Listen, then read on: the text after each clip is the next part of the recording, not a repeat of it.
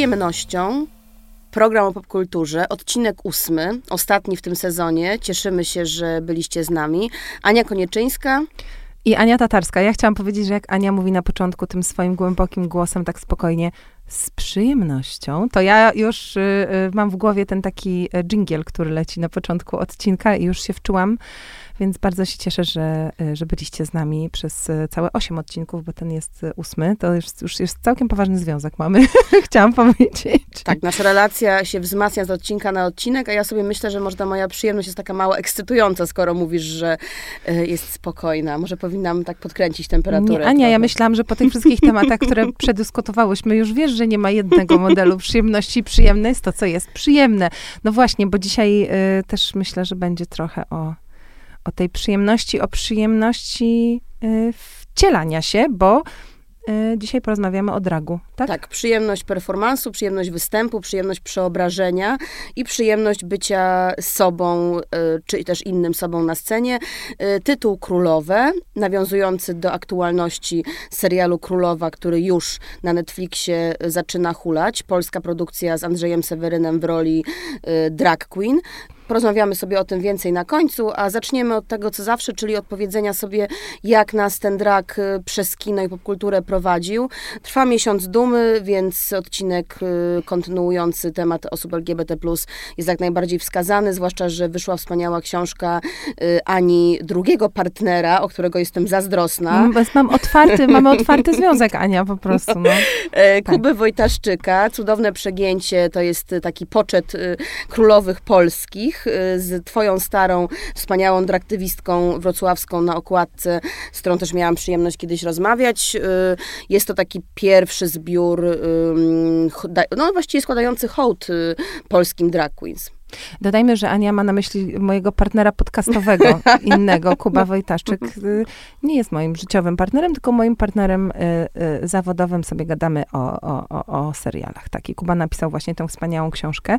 I to jest w ogóle taki moment, mam wrażenie, mm, dobry w pewnym sensie dla dragu w Polsce, co brzmi jak oksymoron, też dlatego, że teraz triumfy na festiwalach i także za granicą mm, święci świetny dokument Bognew Kowalczyk-Bojlesk, poświęcony najstarszej polskiej polskiej drag queen Lula Polaka. Ania też zdaje się poznałaś Lulę. Tak, tak, Lula, moja kochana Lula, czyli kochany Andrzej Szwan, kochana Lula, e, dwie postaci w jednym. E, była z jedną z bohaterek książki Polacy pod tęczową flagą o osobach LGBT, LGBT w Polsce różnych pokoleń. Była najstarszą bohaterką mojej książki i muszę przyznać, że spotkanie z Lulą było jednym z najbardziej niezwykłych spotkań w moim życiu i mówi to każdy, kto spotka Lulę, więc nie jest to tak, że tylko moja więź z nią jest wyjątkowa, chociaż mam nadzieję, że chociaż trochę jest, to jest to osoba, która fascynuje, zniewala, hipnotyzuje, y, nie tylko na scenie, to znaczy Andrzej jest niesamowitym 85-letnim y, zażywnym staruszkiem, który mieszka na ostatnim piętrze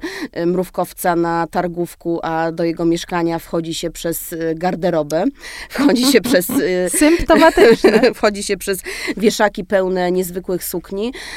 Andrzej ma historii, którym znaczy jego historiami naprawdę można by obdzielić co najmniej pięć osób. Y, I Andrzej, dzięki temu, że na scenie staje się Lullą Lapolakką, jest y, wiecznie młody. Sam tak mówi, że, że ta postać, którą stworzył, to jego prawdziwe ja, czy też jego alter ego, y, czyni, go, czyni go wiecznie młodym i teraz Andrzej przeżywa swój, no nawet nie chyba drugą, chyba trzecią młodość. Zaczęło się od tego, przynajmniej dla mnie, bo ja zauważyłam Lulę w takim nagraniu Barta Staszewskiego trzy lata temu z okazji Dnia Niepodległości, kiedy Bart Staszewski rozmawiał z różnymi osobami LGBT w, w Polsce, pokazując, że Tęczowi Polacy też mogą być patriotami i to mnie bardzo poruszyło. Bardzo, zresztą też jest y, bohaterem mojej książki i też y, mam nadzieję y, moim kumplem. I wtedy zobaczyłam Andrzeja, zobaczyłam Lullę po raz pierwszy i stwierdziłam, że jest to postać niesamowita, postać, która zna Polskę wojenną, Polskę powojenną, perelowską, Polskę transformacyjną, Polskę współczesną, a drag queen, czy też próbki, przymiarki do dragu były w jego życiu bardzo, bardzo wcześnie. Hmm. Y, mówimy o tym, że to jest taki dobry moment. Myślę, że do, do tego, żeby powiedzieć, że drag, drag w, y, wkracza na salony y, nie tylko, nie wiem, elit intelektualnych, czy też, jak powiedziałby pewnie prawicowy publicysta, lewitowych salonów, ale też na salony takie zwykłe Polaków, to i, jeszcze chwila. Natomiast mm, niewątpliwie drogę królowej też przecierał inny E, drag performer e, kultowy i też jest to zasługa Netflixa w, e, w Polsce i, i, i, na całym świecie. Oczywiście nawiązuje tutaj do RuPaul's Drag Race. Zaczniemy trochę od końca, bo tak pomyślałam, że skoro już na, nakreśliłaś ten kontekst, to to byłby dobry, mm, dobry moment. Um, Czyli tym Lulla dla Polaków, czym RuPaul dla Amerykanów i dla całego świata?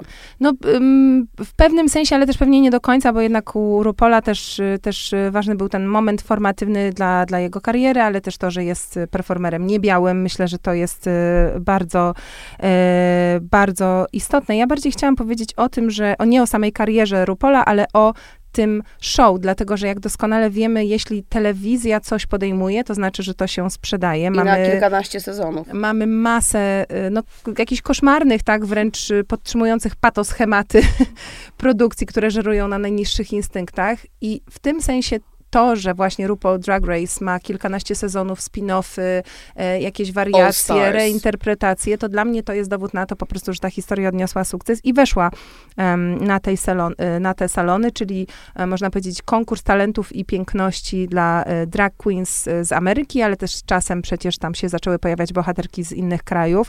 E, przestrzeń wspierająca, bezpieczna, kolorowa i inkluzywna, w której nie tylko popularyzował się E, specyficzny język, tak, który mm, specjaliści od tematu kojarzą jeszcze z etapu e, e, balów, tych balls z, z lat 80. i, i 90., ale też normalizowały się pewne zachowania, które w takich miejscach może jakoś tam odciętych czasami wydawały się wcześniej patologiczne czy, czy niebezpieczne. W RuPaul's Drag Race mieliśmy masę bohaterów, którzy byli, nie wiem, wyrzuceni z domu, od odcięci od jakichkolwiek relacji przez własnych rodziców, którzy um, mówili na przykład otwarcie o, o życiu z HIV, e, więc mam wrażenie, że oprócz czysto rozrywkowego elementu ten show po prostu zrobił masę świetnej, um, świetnej roboty, a w pewnym sensie takim dowodem na to może być potem wyprodukowany już przez HBO um, taki serial We're Here, w którym e, trzy doskonale znane właśnie z szeregów e, rupolowego show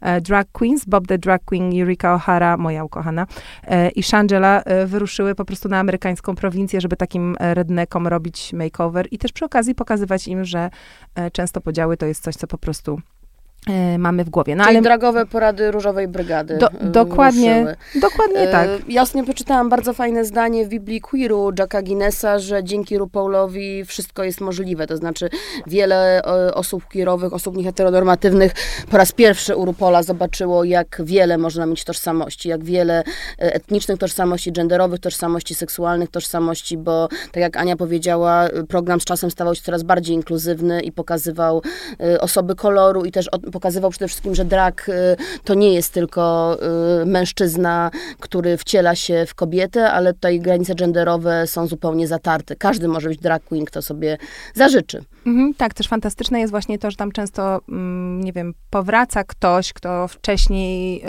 identyfikował się na przykład jako homoseksualny mężczyzna, powraca jako transseksualna kobieta, więc jakby ten proces też, poz, ten, boże, ten program pozwala śledzić pewien proces, ale też mam wrażenie, że w ogóle dojrzewanie kultury mm, jest taką swoistą dokumentacją sytuacji w dragowym środowisku dragowej estetyki też ostatnich już kilkunastu lat i pokazuje też, co uwielbiam, rozmaite wcielenia, bo drag mam wrażenie, że początkowo kojarzył się właśnie z taką wersją trochę, jaką zobaczymy w serialu e, Królowa, z pewnego rodzaju elegancją, przepychem, ale też... E, Albo wręcz estetyką Barbie, taką bardzo kanoniczną, popkulturową estetyką blondynki z dużym biustem. Czy też kampem, który znamy mhm. z filmów e, Almodovara, takim mhm. hiperseksualnym, czymś, co w przestrzeni normalnego życia uznawane byłoby czy to za bazarowe, czy to za za prowokacyjne. Za niekoniecznie E, cudowne przegięcie. Powiedziałabym, że w e, takiej, e,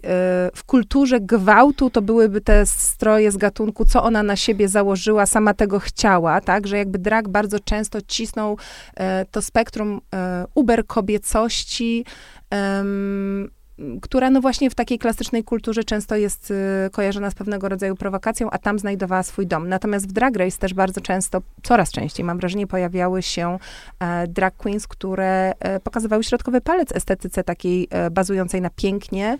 Tam- Konwencjonalnym pięknym. tak, tam były jakby eksperymenty w, idące wręcz w turpistyczną e, stronę, jakieś takie em, stroje świadomie nawiązujące do tego, co my postrzegamy często odruchowo jako, jako brzydotę, balansujące na granicy, więc to jest w ogóle świetna historia, No mam właśnie, wrażenie. nie, dla- dlatego nie przypadkiem właśnie twoja stara jest na okładce książki Kuby Wojtaszczyka. Twoja stara, która bardzo świadomie mówi, y, że nie chodzi o konwencjonalne piękno, tylko chodzi o ekspresję. Po prostu chodzi o y, jej własną ekspresję i często jest tak, że, że twoja stara ma, y, nie ma peruki, ma, ma swoją prawie że łysą głowę i do tego bardzo Wąsik. teatralny wąsik, do tego bardzo Tak. teatralny, mocny makijaż. Chodzi o, o tą zabawę konwencją i przekraczanie y, granic, a Tak. nie wpisywanie się już To y, jest bardzo, konwencję. bardzo ciekawe, że właśnie już nie chodzi o przebranie się za jak najdoskonalszą, wyobrażoną wersję kobiety, tylko o interpretację i reinterpretację tego, czym jest kobiecość, a mam wrażenie, że w dzisiejszych czasach, i ja się z tym czuję absolutnie okej, jest to termin e,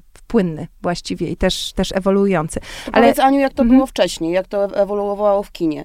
Bo to nie, bo oglądaliśmy Mhm. pierwsze obrazy już wbrew pozorom y, dragu u zarania kina. No, mam wrażenie, że te przedstawienia były rzeczywiście obecne od samego początku, ale często tak jak to było z bohaterami e, homoseksualnymi, tak jak mówiłyśmy w naszym e, LGBT-owym e, odcinku, to się pojawiało jako forma gagu, żartu, takie jakieś ironiczne przebiórki oraz konwencja facet przebrany za babę, babę, ale ma jaja, co ku mojemu po prostu cierpieniu było popularyzowane i wcielane notorycznie przez polskie filmy komediowe lat I polskie kabarety 90. do dzisiaj. Dokładnie. No jakby, no mam wrażenie, że to się idealnie wpasowało w polskie poczucie po prostu e, humoru. E, facet w kietce, ale zabawne. Także wiele tych wczesnych występów mężczyzn e, w tym, co uznałybyśmy za, za, za drag, nie ma tak naprawdę wiele z, z dragiem i ze sztuką dragu e, wspólnego, tylko to są jakieś takie nawet często seksistowskie mm, interpretacje tego, czym jest, e, czym jest kobiecość, tani, tani dowcip. E, Ja bym powiedziała, że e, dużo o nas mówi to, jakie nam tytuły przychodzą do, do głowy, jak myślimy o dragu i o kinie. U mnie to na pewno jest, e, jest Divine, taka bardzo nietypowa, niesztampowa postać, która stosunkowo wcześnie, bo już w latach 70. w filmach Johna Watersa pokazywała właśnie, że drag może być formą buntu i przekroczenia, ale też formą takiej dość poważnej, choć ubranej w e, komediowy, lekki, czasami e, szokujący kostium, analizy wykluczających społecznych e, schematów i te jej m, e, no, bardzo przegięte właśnie hiperbole aktorskie, często balansujące na granicy konwencjonalnie uznanego dobrego smaku, były też narzędziem krytycznym do przyglądania się na przykład sytuacją gospodyń domowych. I to, to nie był żart, nawet jeśli film był ża- ża- żartobliwy w filmie Poliester z 81 roku, czy problemom kobiet klasy y, pracującej w bardzo popularnym i też reinterpretowanym wielokrotnie e, lakierze e, do włosów. I tutaj też widzimy, że ten drag może być właśnie narzędziem jakiejś takiej krytycznej e, analizy czy buntu, do czego zresztą e, no, mm, Zachęca. dojdziemy później. I też drag do tego zachęca, otwiera No jasne. możliwości. No, na pewno kojarzysz odwrócenie, czyli kobieta e, przebiera się za mężczyznę. Mamy kilka takich klasycznych przykładów e, z wczesnego kina. E, Greta Garbo, Marlena, Marlena Dietrich. W każdym razie korzystają z atrybutów y, męskiej garderoby, to na pewno. No, to też zwraca, myślę, uwagę na coś, e, co do tej pory w pewnym sensie działa, czyli taki podwójny standard, czyli że facet przebrany za babę, w cudzysłowie, jest śmieszny, a kobieta przebrana za mężczyznę jest Seksowny. seksowna i zmysłowa. Myślę, że to bardzo wiele o nas mówi. Oczywiście to się troszeczkę zmienia, ale jednak ten stereotyp cały czas jest obecny, tak samo jak w seksistowskich komentarzach niektórych posłów. Dwaj faceci całujący się ochyda, ale na dwie babeczki to bym sobie popatrzył. No, no nie popatrzyłbyś, ale to y, kiedy indziej o tym porozmawiamy. Mm, fajne są takie wątki, gdzie kobiety wcielają się w mężczyzn y, udających w cudzysłowie kobiety, to jest, mam wrażenie, taki w ogóle podgatunek. Jest taki stosunkowo współczesny, zresztą bardzo fajny film, Connie i Carla z e, Toni Collette. One tam grają, e, właśnie udają drag queens, czyli jakby ta płeć jest performowana e, kilkakrotnie i to jest też taki stary jak świat motyw. Na pewno część naszych słuchaczek, słuchaczy kojarzy film Wiktor i Wiktoria, a właściwie mm, filmy oparte na tym schemacie. Pierwszy raz Został on wykorzystany jeszcze zanim naziści doszli do władzy w Niemczech, no bo potem nie byłoby to możliwe pod koniec Republiki Weimarskiej w 1933 roku w, właśnie w Niemczech, czyli opowieść o dziewczynie Wiktorii, która poznaje y, występującego jako drag queen mężczyznę, potem e, coś się dzieje, ona musi go zastąpić i jako ten mężczyzna występujący jako kobieta, ale tak naprawdę kobieta poznaje mężczyznę e, swojego życia, ale tamten mężczyzna myśli, że ona jest mężczyzną. No jakby e, schemat stary jak świat, bo i mówię, ta sama historia była przerabiana, przerabiana na przykład w słynnej wersji e, filmu z Julie Andrews, no ale w pewnym sensie też na przykład Yentl e, z Barbara Streisand gdzieś e, powraca mm, jakby do tego punktu wyjścia i jest też taki klasyk kina jidysz, który się nazywa Judeł gra na skrzypcach po polsku, 35 rok, gdzie właśnie młoda dziewczyna musi się przebrać za chłopaka, żeby móc ojcem po Polsce, notabene, bezpiecznie podróżować. I też poznaje muzyka, tylko właśnie on myśli, że ona jest chłopakiem, więc y, tutaj nie dopatruje się jakby mm, złych intencji czy wyszydzenia. Mam bardziej wrażenie, że te wczesne przykłady więcej mówią o tym, czym jest męskość, czy, czym kobiecość, jak funkcjonuje w kulturze i że kobiecie bezpieczniej jest się e, przebrać, przebrać niż być kobietą. To też jest sugestywne. Znaczy jest to w ogóle bardzo ciekawe, no bo dzięki temu kino nam pokazuje, w jaki sposób y, odkrywamy swój gender i odkrywamy swoją ekspresję genderową. I tak. oczywiście, że, że ujawniają się też te ukryte y, niedobory systemu, czyli właśnie dziewczyna przybrana za mężczyznę może więcej, ale mężczyzna przybrany za kobietę może mniej. Mhm. E, tak, chociaż nie zawsze. E, tutaj jeszcze sięgnijmy po taki klasyk, który właśnie zawsze mam wrażenie w temacie dragu przychodzi do głowy, czyli pół żartem, pół serio. O tym, jak się filmy starzeją, e, będziemy jeszcze, jeszcze mówić, ale jedno jest pewne, w pół żartem, pół serio, y, kobiece przebranie, jakby identyfikacja kobieca z kolei staje się schronieniem y, dla bohaterów. Inną sprawą jest, co oni odkrywają, wchodząc w taki jakby tajemny kobiecy świat, co czerpią z relacji z bohaterkami, czego się uczą i o co swoją y, kształtowaną przez ówczesne realia męskość y, wzbogacają. Natomiast niewątpliwie bohaterowie grani przez Jacka Lemona i to, Toniego Curtisa uciekają przed niebezpieczeństwem, przed niebezpieczeństwem grożącym im e, e, z, e, z rąk gangsterów i przebierając się kobiety w pewnym sensie stają się dla przemocy niewidzialni. To jest na swój sposób, wydaje mi się, wywrotowa myśl w pozytywnym sensie, chociaż też w negatywnym, bo to oznacza, że jak jesteś kobietą, to to oznacza, że jak jesteś kobietą, to brak ci po prostu pewnej e, sprawczości i e, dla osób w pozycjach władzy jesteś niewidzialna. Nieciekawa I niewidzialna. Niewątpliwie jednym z takich ponadczasowych klasyków e, w temacie, zresztą przecież tak samo jak pół żartem, e, pół, żartem, pół serio, jest film Tutsi Sydneya Polaka z Dustinem e, Hoffmanem. Hoffman gra tam niespełnionego aktora, który uznaje, że jeśli zacznie udawać kobietę, to dostanie ważną rolę w serialu i jego kariera ruszy z miejsca no dość nietypowy punkt wyjścia, w którym mężczyzna, żeby mu kariera lepiej poszła, decyduje się wcielić w kobietę. E, no i oczywiście są w tej produkcji, tak jak w wielu filmach z tamtych czasów, wątki, które się źle zestarzały. Niektóre żarty nie wytrzymują próby czasu, niektóre um, zachowania bohaterów e, z perspektywy czasu i z naszą dzisiejszą wiedzą też wydają się po prostu homofobiczne, ale jest tam e, taki wątek, który wydaje mi się, jak na tamte czasy był wręcz dość e, wywrotowy. On się zresztą też pojawiał potem w filmie na przykład Pani Doubtfire, o którym y, myśmy mówiły y, w naszym ojcowskim odcinku, chociaż tam kontekst był całkiem inny, czyli kiedy mężczyzna się wciela w kobietę w Tutsi, to nagle odkrywa, jak wygląda ten kobiecy świat i że jest w nim cała masa takich kłód rzucanych pod nogi i przeszkód, które dla niego, z jego męskiego punktu widzenia są wręcz niewidzialne. I w tym sensie mm, za pokazanie, chociaż oczywiście w komediowym y, kostiumie, ale tego takiego codziennego, drobnego y, seksizmu, tych wyzwań, które no myślę, że to jest fakt. Wciąż dla mężczyzn są po prostu niewidzialne, takich jak chociażby, nie wiem, spojrzenia, cmoknięcia, nawyki, no kończąc już na różnicy płac. Mm, że za to, y, za to dla Tutsi zawsze będzie miejsce w y, historii kina, chociaż oczywiście ten film jest często redukowany do roli po prostu um, zabawnej komedii. No jednak śmiem twierdzić, że to jest trochę co innego niż poszukiwany poszukiwana i tutaj nie chodzi tylko o babę e, w peruce, żeby było śmiesznie, tylko też e, o ten wątek emancypacyjny. Tak, o coś, o coś więcej. No, takim absolutnie ponadczasowym klasykiem, do którego zresztą warto sięgać, absolutnie też, też dzisiaj jest dokument Jenny Livingston z 1990 roku, Paris is Burning. On pokazuje scenę, e, taką podziemną scenę e, balów e, dragowych, gdzie właśnie spotykają się klany, rodziny, które towarzysz, toczą bitwy. Bez niego nie byłoby Pose, czyli jednego z najmodniejszych seriali ostatnich lat. Zdecydowanie serial e, stworzony przez Ryana Murphy'ego wręcz wprost nawiązuje mm, do, do tamtych lat. Zresztą nawet nazwiska e, bohaterów i nazwy klanów są, są zaczerpnięte z tej rzeczywistości, którą Livingston um, pokazuje. E, dla mnie to, co jest bardzo ważne w Paris is Burning, to jest pokazanie, że w tych walkach na scenie, w tych performansach nie chodzi tak naprawdę o to, kto jest piękniejszy, chociaż oczywiście w pewnym sensie jest to składowa tego występu, bo, bo są tam na przykład kategorie tam najbardziej, nie wiem, naturalna kobieta, prawda? Czyli jakby różne, różne poziomy um, walki wyglądem, ale też, że ten drag i w ogóle cała ta kultura jest e, formą buntu e, przeciwko wykluczającym e, społecznym e, schematom, e, przeciwko opresji nie tylko genderowej, ale też klasowej i rasowej, bo bohaterowie E, Paris is Burning to są często um, latynosi czy, e, czy czarni Amerykanie w związku z tym.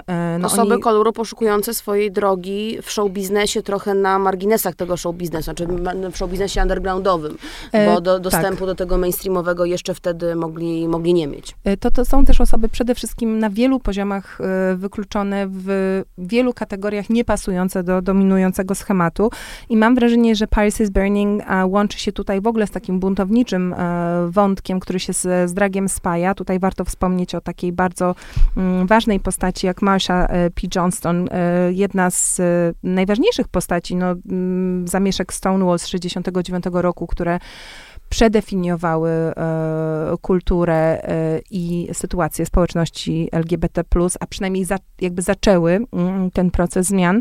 E, Marsha P. Johnston była amerykańską transpłciową aktywistką, która nie tylko założyła, współzakładała Gay Liberation Front, czy działała na rzecz chorych na AIDS w ramach organizacji ACT UP, ale też występowała na scenie właśnie z grupą drag queens Hot Peaches. No i też, dodajmy, została zamordowana jako osoba transpłciowa doznała przemocy, to jest osobny temat który niestety jest cały czas e, bardzo, e, bardzo obecny.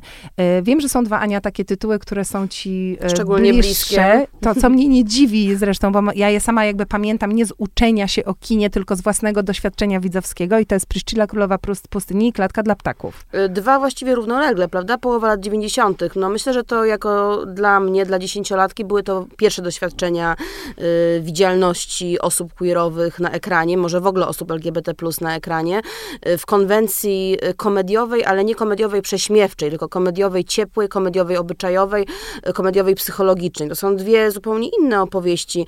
Jedna jest właściwie o rodzinie, czy też o rodzinie konserwatywnej, która styka się z, z osobą queerową. Świetnie aktorzy Nathan Lane robił Williams. Drugi to jest, druga jest opowieść o emancypacji w australijskich krajobrazach. To, co je łączy, to jest wejście do mainstreamu drag queens, ale wejście do mainstreamu na własnych zasadach, czyli już właśnie znowu nie pan w peruce, tylko pełnokrwiste postaci, które y, wybierają życie po swojemu, wybierają wolność i ten drag, ten performance staje się ich performansem y, wyzwolenia ze społecznych konwenansów, społecznych ram. Mhm, oczywiście domyślam się, że specjaliści od tematu mogliby tym filmom wiele zarzucić i pewnie one też sięgają po jakieś przestarzałe czy niesprawiedliwe stereotypy. Natomiast Natomiast y, myślę, że bezdyskusyjnie one pokazują po prostu drag też jako coś fajnego, y, mm, coś, czego nie należy się bać, y, coś, co właśnie, tak jak w klatce dla ptaków, potrafi być formą autentycznego wyrażenia siebie i co wcale nie niszczy rodzin, tylko je buduje, Spaja. bo tam mamy ten mhm. wątek zetknięcia z konserwatywną rodziną, a konkretnie rodzicami narzeczonej syna. I, i, i rodzice, główni bohaterowie właśnie są zmuszeni udawać parę, no w cudzysłowie, normalną. Y, no i y, wychodzi to jak wychodzi. Okazuje się, że, że, że lepiej było wcześniej. Ja bym Lata tutaj... 90. to jeszcze przyjaciele, teraz mi się przypomniało, nie pomyślałam o tym wcześniej. Mhm. Mama Chandlera, tata mama Chandlera.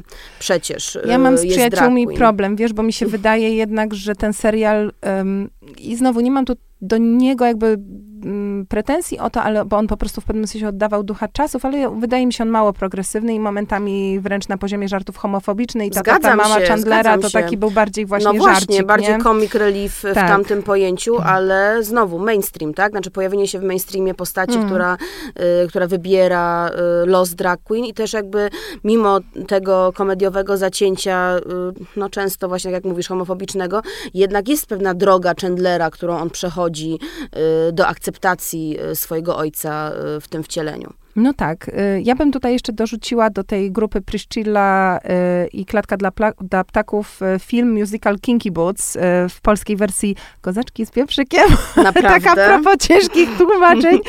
Mm, to jest, to jest motyw, motyw, scenariusz, który się doczekał bardzo wielu reinterpretacji, właśnie też tych scenicznych, łącznie z, z polską wersją właśnie w teatrze. Do tej pory możemy ten musical oglądać. Przypomnę, że to jest zainspirowana prawdziwymi wydarzeniami e, historia e, o pewnym e, biznesmenie, czy też raczej synu biznesmena, który dziedziczy kiepsko prosperujący biznes obuwniczy i zamiast tę fabrykę podupadającą mocno sprzedać, a mówimy tutaj o brytyjskiej prowincji, decyduje się y, w efekcie pewnego nieoczekiwanego spotkania mm, przebranżowić i e, zacząć produkować seksowne damskie obuwie dla mężczyzn, czyli w domyśle właśnie e, dla, dla, dla drag queens.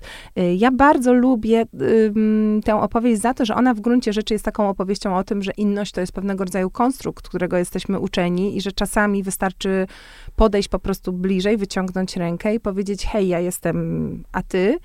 I że okazuje się, że, że te ściany opadają. Oczywiście jest to jakaś tam naiwna bajeczka, ktoś by powiedział, ale wydaje mi się, że kino też takich bajeczek potrzebuje, tym bardziej w przestrzeni, której przez tyle lat e, drag queens, podobnie jak e, e, osoby ze społeczności LGBT+, zresztą to się przecież bardzo często e, pokrywa, były po prostu wykluczane, demonizowane albo obśmiewane, tak? Więc jakby łagodna, e, przyjazna, e, sympatycznie dowcipna postawa to jest coś, co tutaj jakby ma ode mnie plusik. Pamiętam energię, z jaką wychodziłam e, z Kinky Boots, bo miałam szczęście być na przedstawieniu na, na Broadwayu e, w Nowym Jorku E, i na tym, na tymże Broadwayu, jak to często bywa też w Teatrze Roma, było mnóstwo widzów spoza tego wielkiego miasta. Byli to widzowie pewnie z konserwatywnego południa, byli to widzowie w bardzo różnym wieku i oni wszyscy wychodzili z tą piosenką, z tą muzyką na ustach, a w tej piosence zaklęta była ta myśl o emancypacji, ta myśl właśnie o tej bliskości, która pokonuje tą inność i tą, i tą dalekość. To znaczy, że właśnie to spotkanie z drugim człowiekiem, y, radosne spotkanie y, na scenie może, może przynieść jakiś rodzaj odkupienia. A swoją drogą też Kinky Boots ma taki motyw zupełnie już pragmatyczny, bo przecież drag queens często mówią, że dla nich nie ma ciuchów ani butów, bo przecież to są y, często bardzo rośli mężczyźni, rozmiar 45 y, buta, którzy muszą szukać dla siebie kostiumów y, często na działach męskich. To jest takie doświadczenie Luli, która y, kupowała sukienki na, na działach męskich, y, na działach damskich oczywiście w modzie polskiej. No już pomijam, że e, znaleźć buty na szpilce w rozmiarze 45 czy 47 to jedno, ale znaleźć buty, które e, wytrzymają robienie salt i szpagatu to drugie, więc... Więc e, Kinky Boots, pomysł na biznes dla jakiegoś przedsiębiorczego Polaka. No myślę, że w świecie dynamicznie zmieniających się realiów e, biznesowych e, ten film można potraktować również jako inspirację całkowicie spoza e, e, świata dragu. No i jeszcze na koniec wróćmy tutaj na to polskie, e, polskie poletko. Dla porządności możemy prześledzić e, e, jakby przejawy kultury dragowej w kinie. Oczywiście mm, niezapomniany Eugeniusz Bodo w filmie Piętro Wyżej z 1937 roku i kultowa dziś piosenka Seksapil to nasza e, broń e, kobieca. Wydaje mi się, że śmieszne, ale chyba nie okrutne i chyba niezłośliwe, więc y, jakoś tę scenę i ten motyw y, wspominam stosunkowo y, przyjaźnie. Mówiłyśmy wcześniej o kobietach w męskich przebraniach, przebierała się też Jadwiga Smosarska i znowu wątek ograniczeń społecznych, genderowych. Przebierała się w Czy Lucyna to dziewczyna z 34 roku, ponieważ jako kobieta nie mogła znaleźć zawodu adekwatnego do jej wysokiego e, wykształcenia, czyli ten film komentował e, sytuację na rynku pracy. Chociaż, jak zauważa wiele osób, też chodziło trochę o ten efekt właśnie e, sexy babki w garniturze i pięknej gwiazdy, która teraz będzie występować w spodniach, bo jednak te spodnie wówczas były noszone głównie e, przez mężczyzn, no i e, spódnice pewnie nie pokazywały tak bardzo pup, a tutaj, a tutaj spodnie mogły, mogły otulić. No właśnie, to jest też ciekawe, prawda, że wraz z rozwojem mody i z nowymi trendami drag queens też chcą się przebierać w najnowsze trendy. Niekoniecznie sięgać do tej kanonicznej kobiecości yy, a la Marilyn Monroe, tylko oczywiście też po Kendall Jenner, Bella Hadid No i i- Hailey Bieber. No i super. bardzo słusznie Mhm. też dlatego, że kultura drogowa przez wiele lat, mam wrażenie, była estetycznie jakoś tak umoczona w takim dziwnym miksie lat y, 50. i ideału takiej jakby pani domu, plus lata Peanut girl. 70. Mhm. i z kolei ta estetyka disco, więc bardzo fajne jest to, że to się rozkrzewia, tym bardziej, że no, pewne mody jednak y, dla nikogo nie były dobre. Tutaj y, wspominam poszukiwany, y, poszukiwana i Wojciecha Pokorę jako Marysię, no jakby właściwie może na, na tym westchnieniu, e, na tym westchnieniu e, e, skończę. No tak, no jeszcze wiesz, jest, y, jest Ewa Błaszczyk przebrana za wąsatego y, Mariana. Y, notabene, czy zawód taksówkarza jest w zasadzie czysto męski? Myślę, że do dziś to pytanie mm, Ja kilka pozostaje. razy jechałam z taksówkarkami, było to bardzo miłe doświadczenie. Ja bym wolała, żeby, żeby więcej pań e, siedziało za kierownicą i może wtedy e, nie byłoby tyle tych okropnych historii, o których e, teraz, teraz czytamy. Nagle ta funkcja daj znać, e, że dojechałeś, e, staje się em, bardzo potrzebna.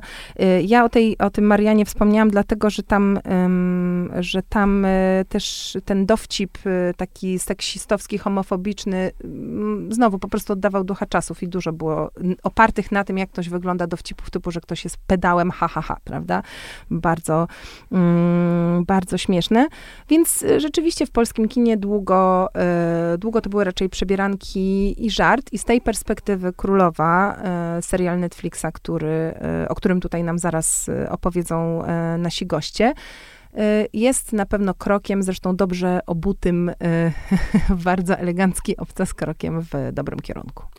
Jak już wspominałyśmy na początku, wielką premierą tego miesiąca dumy jest Królowa na Netflixie. 23 czerwca y, serial polski wchodzi na platformę, zapowiadany na wielki przebój. My z Anią już miałyśmy przyjemność y, zobaczyć przedpremierowo y, taką gratkę. Miałyśmy jako, jako dziennikarki, więc cieszymy się bardzo.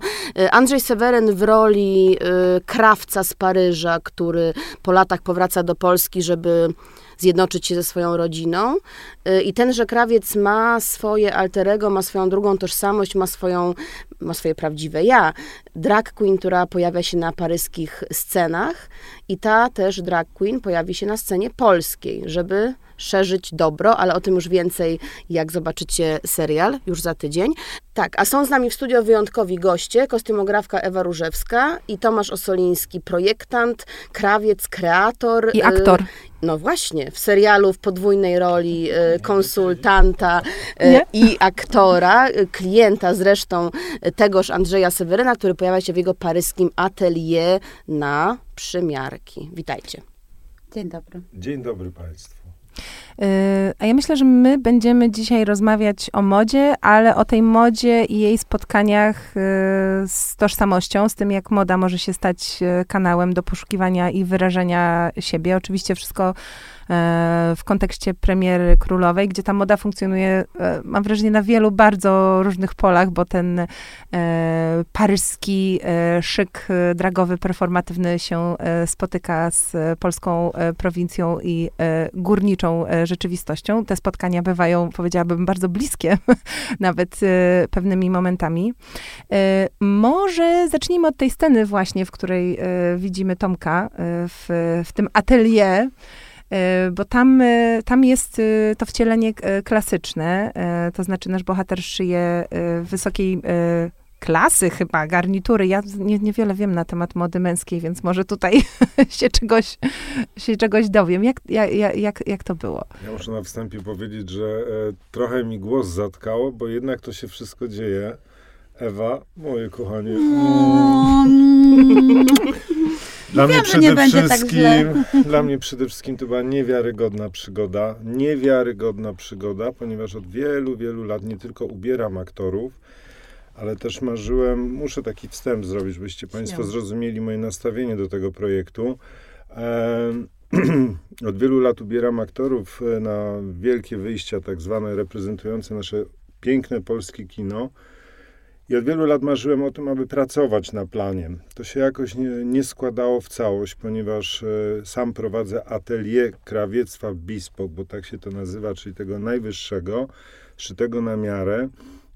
Mm, e, I w sytuacji, kiedy Ewa zaproponowała mi ten projekt, e, o tym może troszeczkę później, mogłem być na tym planie i to przeżycie bycia asystentem Ewy na planie kostiumografem jest czymś dla mnie niesamowitym. Te propozycje potoczyły się lawinowo później po tej naszej królowej, więc Było dziko. było dziko, przyznam szczerze, i e, to już jest chyba taka miłość, która zostanie na zawsze.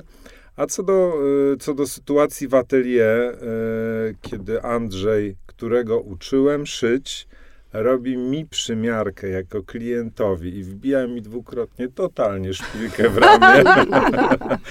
To jest to też bardzo przyjemna sytuacja i nie mówię o kłuciu szpilką, Ukłucie ale... dumy, może to było. E, ale Andrzej Seweryn, który jest, nie trzeba tego nikomu e, mówić, wybitnym aktorem, a przygotowując się do tych wszystkich scen, był u mnie w pracowni, uczyłem go kroić, szyć, siedział przy mojej maszynie Trzymać do szycia, nożyczki profesjonalnie. trzymać nożyczki, trzymać mydełko, a no przygoda marzeniem. Przygoda życia. Y, Tutaj mówimy o tym, y, nie wiem jak to nazwać, odcinku, y, który w serialu pojawia się jako tam mm, jakby moda klasyczna, atelier, właśnie szycie, szycie fantastycznych garniturów na miarę. Zresztą muszę przyznać, że dla mnie ten, ten moment był też, też przeciekawy. Ja mam styczność z modą męską w domu wyłącznie przez mojego partnera, który jest zafascynowany właśnie tego typu działalnością, więc miałam wrażenie, że ktoś mnie tak na chwilkę wpuszcza w, w kulisy i było to naprawdę przepiękne, wręcz powiedziałabym y, wzruszające, ale też fascynujące jest to, jak wam się udało połączyć y, te dwa światy, jakby funkcjonowanie y, bohatera za dnia i można powiedzieć wieczorem, czy też, czy też w nocy. Tam wchodzimy w cały świat właśnie tych występów e, scenicznych. Pewnego wcielenia dragu, tak, bo też my rozmawiałyśmy o tym wcześniej, że drag ma wiele wcieleń, nie zawsze jest y, piękny, czasami nagina granice, czasami chce być celowo brzydki i buntowniczy. E, tutaj jest ten odcinek taki, powiedziałabym, bardziej glamour e, klasyczny. Czy możemy porozmawiać o tym, jak, e, jak ten świat był tworzony i też, no, o researchu chyba, mm, bo, tak, bo kto, jest, inspiracji kto jest... był i co było na waszym moodboardzie, na waszej tablicy inspiracji? Na moim moodboardzie mm, rzeczy pojawiały się może nie tyle dynamicznie, ile to nie jest taki prosty świat. I to, co nam się wydaje, że funkcjonuje jako drag queen, to jest, okazało się bardzo złożone zagadnienie. Ilość rozmów, które odbyliśmy, e, nie wiem, z Łukaszem Adalonem, z Konradem Bikowskim, z Grażą Grzech, tych drag queen było tam masa. Każdy z nich ma swoje doświadczenia, e, swoje pomysły. To nie jest tak naprawdę kreacja, to jest sposób na życie. I to jest najważniejsze w tym wszystkim, bo to mm, o tyle determinowało moje moodboardy, że ja musiałam połączyć to, e, co chcemy osiągnąć, z tym, co możemy osiągnąć. Czyli to nie, nie do końca było tak, że ze scenariusza wynikało, e, jak Loretta będzie wyglądać, albo jak się będzie nosić, albo jakie piosenki będzie śpiewać. To do końca w sumie było w takim no, zawieszeniu z tysiąca różnych powodów. Więc to było takie bardzo płynne w najlepszym tego słowa znaczeniu, czyli pomysłów było milion. Myśmy mieli milion grup, na których e, wysyłaliśmy sobie propozycje, e, piosenki, teledyski, e, starsze, młodsze. Tomek odkrył na samym początku naszych rozmów, że tak naprawdę pierwszą polską drag queen był Eugeniusz Bodo. Bodo. Mało to jest to y, pierwsza zarejestrowana Dokładnie. filmowo, czyli mówimy tutaj o kinie, dr- występ drag queen w kinie na świecie. To jest właśnie Eugeniusz Bodo. A ponieważ znaczy ja chciałam bardzo uciec z takiej kalki, bo mało jest projektów, e, mało jest filmów o tej tematyce. No mamy Pryściele Królową Pustyni, mamy Klatkę dla Ptaszków. I ja bardzo chciałam uniknąć jakiegoś takiego kiczu, jakiejś takiej e, przerysowanej formy, ponieważ dosyć szybko zrozumiałam, że to są bardzo poważne sprawy. To nie jest to, że ktoś jest, nie wiem, klaunem w cyrku i wychodzi, macha ręką. Nie, to są bardzo ważne rzeczy. Ważny był kolor, ważna była faktura, ważne było podejście, ważna była każda postać. Myśmy tych drag queen poznali z Tomkiem 20, 20, 25, dużo ich Bardzo było. dużo było osób. bardzo dużo, byli z Polski, byli, potem przyjechali z Paryża, różnili się, okazało się, że są tu niuanse, są dziewczyny, które są drag queen, są drag queen z brodą. e, To, to, nie jest bardzo- jednorodny świat. Nie, i to jest bardzo wysublimowane i my tu gramy na żywym organizmie.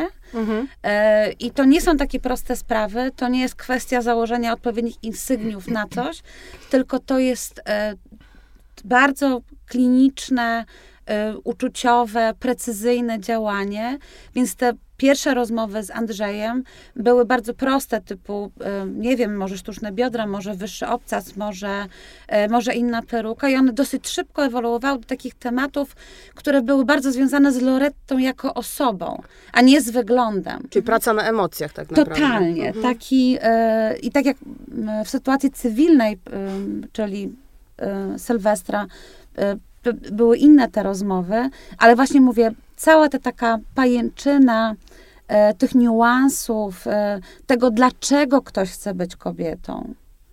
I chce, jak gdyby, I chce z tym wyjść do świata. To Mm. nie jest takie proste.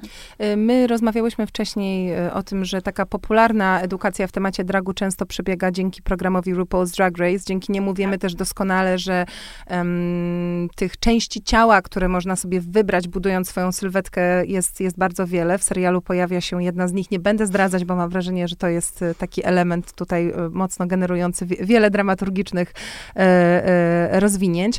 Ale właśnie chciałam zapytać, jak w tym kontekście była budowana ta, ta sylwetka, jak zapadały decyzje, jak, jak Loretta będzie się wyrażać i na ile e, znaczenie miał też e, wiek bohatera, dlatego że też mówiłyśmy wcześniej o tym, że teraz e, Triumfy święci film Boyleska o najstarszej polskiej Tak. drag queen i jednak ekspresja, ale też tożsamość, historia e, e, drag queen, która ma lat 70 parę, a nie wiem, 20, to jest, mam wrażenie, całkiem inne uniwersum. Bohater niesie w ciele historię swoją własną. A zatem jest pewna klasyka gatunku. Znaczy musimy się gdyby cofnąć do tego, e, nie to, co było modne, tylko jak gdyby inne pewnie referencje miał mężczyzna. Zakładamy, że Sylwester, który miał lat 20, czyli były to lata nie, wiem, 50., 60., inaczej funkcjonowała wtedy postać kobiety niż na przykład teraz. Chociaż jak myślę, że z większością e, drag które- o których, z którymi rozmawialiśmy, to są dwa elementy. Albo jest to stare kino, albo Mhm. jest to coś na wzór Beyoncé. Czyli to jest takie, że albo tak, albo siak. Natomiast e, z, z Andrzejem było to o tyle prostsze, że mm, e, Jest aktorem totalnym i Jest wszedł aktor- to idealnie. tak. I Mhm. wiadomo było, że nie ubierzemy go w żaden lateks, ani, y, y, ani nic takiego bardziej... Myślę, że ten właśnie ten nasz pierwszy film e, z Eugeniuszem Bodo był taką totalną referencją. Tak, ale też, ale też referencja dotycząca jego życia cywilnego. Bo skąd się w tym wszystkim wziąłem? Ja jestem krawcem ze Śląska, nie starym, ale też jestem krawcem ze Śląska. Andrzej gra krawca ze Śląska, który musi wrócić na Śląsk. Pojawiają się też górnicy i tak dalej, i tak dalej.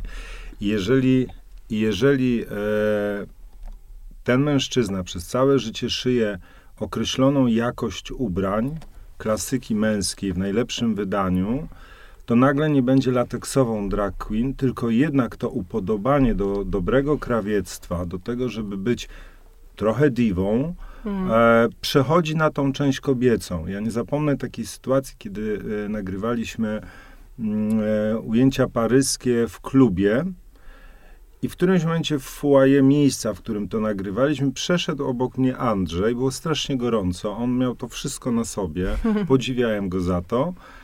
I ja nagle tak się obróciłem, patrzę, Jezu, Loretta idzie. To nie idzie Andrzej Seweryn w przebraniu, tylko to idzie Loretta.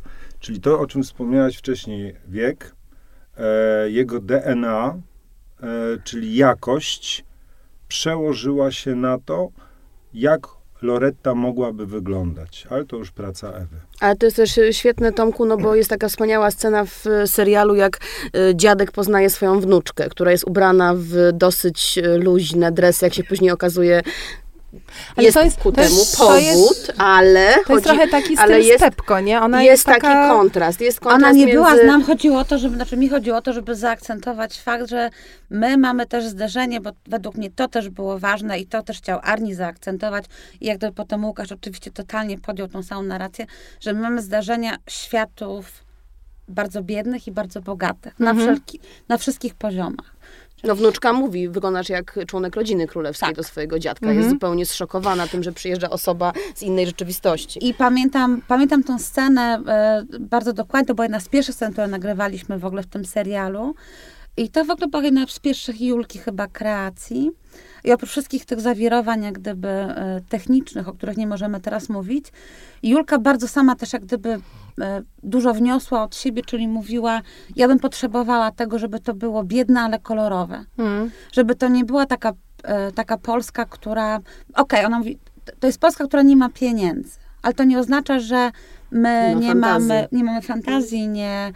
Nasze czasy, wykroje z, z burt, matki szyjące, e, nie wiem, z, z, z wełny, żakiety, których nigdy nie było w sklepach. Więc wszystko to, myśmy odbyli jakąś. To nie jest mój pierwszy projekt. E, Ja nigdy w życiu nie odbyłam takiej ilości rozmów ze wszystkimi aktorami i z każdym z nich z osobna. Oni tak bardzo chcieli wnieść cokolwiek od siebie. Każdy miał tak głębokie przemyślenia.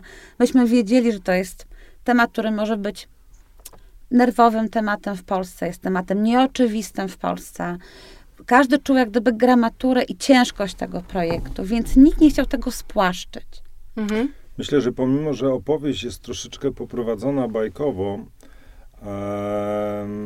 to jest to bardzo ważny film. I to, co Ewa powiedziała, każdy miał też e, wrażenie, że uczestniczy w czymś bardzo ważnym. I tą wagę tej sytuacji i ważność tego projektu też tworzył w bardzo dużej mierze Andrzej Seweryn, który y, oddał się tej roli w całości, absolutnie. Był tą Lorettą, był tym Sylwestrem, e, ale historia, o której opowiadamy, ta przypowiastka, o której opowiadamy i to, w jakim my świecie dzisiaj żyjemy, e, jest bardzo ważne, żeby to połączyć. Oczywiście my sobie siedzimy w wieżowcu w Warszawie i nagrywamy podcast dla Woga, natomiast poza nami, wyjeżdżając z Warszawy, nie wiem, 50-100 kilometrów i dalej, jest bardzo dużo e, ludzi, którzy borykają się z tymi problemami, o których my w tym filmie też opowiadamy. O zrozumieniu, o akceptacji, o tym wszystkim, co e, ważne jest teraz dla młodych ludzi, ale też dla bardzo wielu dorosłych, dojrzałych ludzi, którzy przez całe swoje życie w wyniku wychowania systemu, w jakim funkcjonowali, zostali powkładani w rodziny, jako ojcowie, jako dziadkowie, jako osoby, które tak naprawdę całe życie się w jakiś sposób muszą ukrywać. I to tak naprawdę jest dla mnie też przypowiastka o tym, żeby być wolnym, żeby nie bać się tego, co się może wydarzyć. A skonfrontowanie historii e, Sylwestra e, z tym, że musi ze swojego bezpiecznego świata, który jest otwarty, z e, światem francuskim, paryskim, Mhm. skonfrontowanie tego z tym, że musi wrócić w tej opowieści na prowincję polską, Którą tak bardzo chciał opuścić. którą Mhm. tak bardzo 20 lat wcześniej chciał opuścić po to, by być wolnym, e, to właśnie o tym jest też ten film, żebyśmy nie bali się tej własnej wewnętrznej wolności, nie musząc uciekać. Wiem, że to się wydaje abstrakcyjne, kiedy ja to mówię tutaj teraz w tej sytuacji, ale e, to nie jest tylko film o drag queen. Żeby tak Mhm. to ładnie uporządkować, to jest historia, która tak naprawdę myślę, że wiele razy mogła się wydarzyć. E, dla nas też bardzo dużym, dla mnie osobiście, e, oczywiście oglądałem e, Rupola e, Drag Race, oglądałem różne inne filmy, ale to na żywo zetknięcie z prawdziwymi drag queens, Adelonem, który jest w ogóle jakimś mistrzem jest niesamowitą, wrażliwą, wspaniałą osobowością. E, I to skonfrontowanie, czyli stoisz z tymi ludźmi w jednym miejscu, jednak patrzysz, jak się przygotowują, było też dla mnie szokujące. to, jak wiele precyzji, pasji, miłości, zaangażowania jest wkładane w to, żeby ci faceci wyglądali jak najpiękniejsze kobiety. Hmm. A na dodatek tego, kiedy mieliśmy zdjęcia we Wrocławiu i przyjechała grupa drag queen, córek dragowych. Mm, e, Tam są takie rodziny. Mhm. E, przyjechali, e, przyjechała ekipa z Paryża i zobaczyłem na kampie to towarzystwo. Ja mówię, przeżegnałem się. Ja mam 1,93 m wzrostu, czy 4 Chłopcy jak pozakładali buty na obcasach, byli wyżsi o głowę ode mnie, wyglądali jak wcielenia Naomi Campbell i byli tymi kobietami. Byli pięknymi, pięknymi drag queen, które... E, to, to, to, mm, to jest też ciężka praca. Ale mój absolutny podziw dla tego, co wszyscy naokoło wykonali, wykonują. I tak naprawdę jest to też jakiś wentyl, myślę, dla tych wszystkich ludzi do wolności. Tam, tam jest też taki bardzo ciekawy wątek, bo znowu starając się zachować szczegóły fabuły e, w tajemnicy, e, powiedzmy, że no, ten, ten, ten świat Sylwestra Loretty zderza się z tym polskim światem, z, z, tą, z tą śląską e, prowincją. E, dochodzi do momentu występu, gdzie wręcz te modowe światy się zderzają do, dosłownie, one można powiedzieć się z, e, zszywają.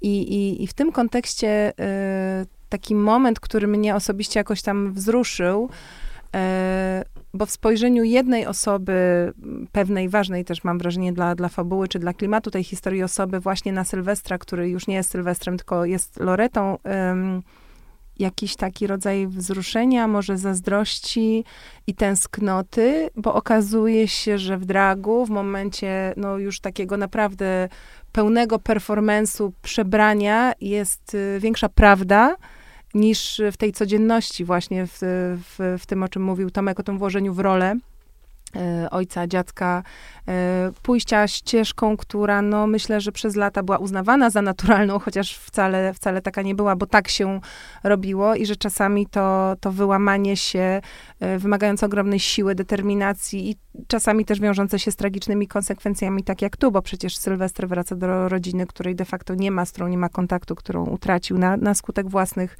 własnych decyzji. E, no jest jakby jedyną formą e, walki o siebie, więc zgadzam się z wami, że tam jest bardzo dużo e, takich podtekstów i takich odgałęzień i takich wątków, które nawet jeśli nie są w centrum tej opowieści i nie są jej tematem, to są tam obecne, tak maźnięte gdzieś, gdzieś w tle. Ale I, gdzieś jest przesłanie tak. nadziei też bardzo mocne, prawda? To znaczy, że właśnie to, to ta wolność tego Sylwestra emancypuje innych, daje wolność innym. To w ogóle nie chodzi o Sylwester, to w ogóle jest projekt o wolności. I ponieważ myśmy to kręcili w zeszłym roku, nie wiedział, że będzie konflikt na Ukrainie, że tak nasze czasy się potoczą, to w ogóle założeniem był projekt o wolności. To nie, tylko nie dotyczy Sylwestra i Loretty, to dotyczy e, Julki, to dotyczy, już nie będę, nie wiem ile widać, nie wiem co, co widziałyście, to naprawdę jest tak, że tam w każdym, w, w, w każdej postaci jest jakaś wielka potrzeba wolności. I te, już wiem, teraz zrozumiałam, czyje są te oczy, te, które się patrzą z widowni na Lorettę, tam też była potrzeba wolności. Ona jest inaczej nazwana. I chyba za to najbardziej kochałam ten projekt, bo mało jest takich projektów w Polsce, tam nikt nie przegrał. Mhm. My się jakoś lubujemy z tysiąca różnych powodów, żeby y, nasze nasze dzieje, nasze opowieści, nasze filmy, nasze seriale były albo skrajnie smutne, rozliczające się z jakąś totalną przeszłością, albo były jakoś tak totalnie naiwnie beztroskie. A to jest coś, co jest jakimś środkiem. Mimo tego, że ma najbardziej chyba barwną oprawę, jaką sobie można wyobrazić, hmm. ale jest to w ogóle projekt o wolności. I ten projekt dał dużo wolności, myślę, aktorom, którzy mogli pokazać i myśmy dokładnie wiedzieli, co oni chcą pokazać. Oni byli bardzo wszyscy otwarci. Ten I projekt, wam. nam to już w ogóle... Ja pracuję dużo, Tomek pracuje trochę inaczej, też dużo. I na początku, jak się znaczy my się już troszkę znamy, to nie był nasz pierwszy projekt, poprosiłam Tomka i poprosiłam Konrada Bikowskiego, żebyśmy się przy tym projekcie nie pokłócili. Bo jak gdyby czułam jego gramaturę, wiedziałam, że tego będzie dużo, że budżet mamy jaki mamy, że to będzie wszystko e, płynęło, będą zmiany scenariuszowe, e, że Marta Masłowska, nasz drugi reżyser, będzie robiła nam zasadzki z najlepszego serca, ale to jednak będą zasadzki, żebyśmy się tylko między sobą nie pokłócili, bo tego po prostu jest bardzo dużo. I ja szłam do tego projektu z jakimś takim, może nie brzemiem, ale takim, czułam gramaturę tego wszystkiego. Lubię to słowo w kontekście tego projektu, No. bardzo, bardzo mi ono I pasuje. trochę zazdrościłam Tomkowi i Konradowi, że oni mają taki wy, jak gdyby wyrywkowy pomiar prędkości w tym projekcie, że to jest to, to jest to, a ja muszę jeszcze tutaj tak tą obwodnicą zajechać ich Mhm. wszystkich. I szłam, oni byli tacy szczęśliwi i tacy em, rozbawieni i, i, i ja tak stałam, mówiłam, O co im chodzi? o co im chodzi? Przecież ten projekt będzie wielki. Tu będą nerwy, tu będzie, tu będzie tyle zagadek, tu jeszcze musimy zrobić to i jeszcze trzeba. I e, pomyślałam sobie o tym, że to, że w pewnym momencie Andrzej się poczuł w roli.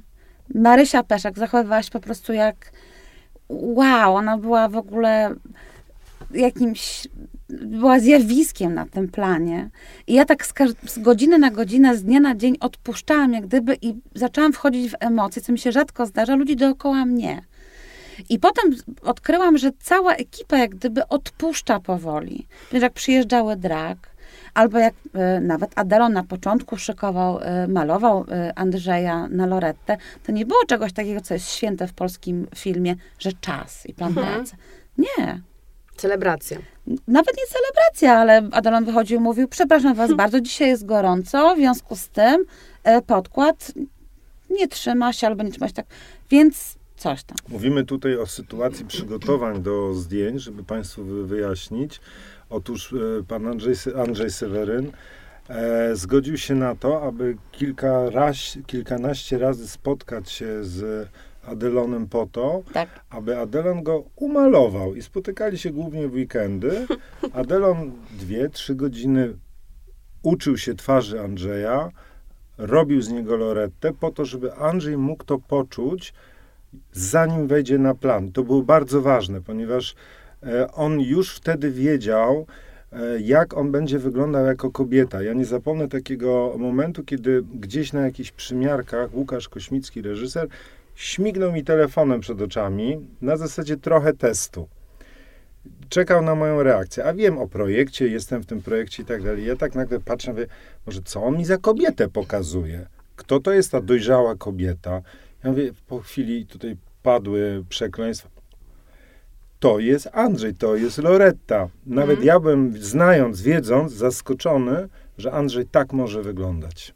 Czyli daliście sobie czas, daliście sobie wrażliwość na Ale to, żeby w to mało wejść. tego, myśmy poświęcili, to się naprawdę bardzo rzadko zdarza w polskim filmie, bo nikt nie ma czasu, każdy jest w sumie gdzieś tam w jakimś pędzie. Jak były te pierwsze próby e, z, z, z panem Andrzejem Sewerynem w, w pracowni, w atelier u Konrada Bikowskiego, gdzie przyjeżdżał właśnie Adelon, pamiętam, że po drugim razie myśmy tam wszyscy po prostu siedzieli. Siedzieliśmy na szezlongach, słuchaliśmy muzyki, zamawialiśmy jedzenie, piliśmy prosecco, bo to właśnie były jakieś takie leniwe soboty, niedziele. Wyskoczyliśmy na inną planetę Tak, tym projektem. myśmy pamiętam, e, jak były pierwsze propozycje piosenek do nie powiemy jakiego występu i którego występu. I myśmy tych piosenek przesłuchali jakieś miliony wtedy. E, Andrzej się uczył e, tekstów, chociaż to było takie troszkę no, nieprzewidywalne, co w koń- na czym w końcu stanie.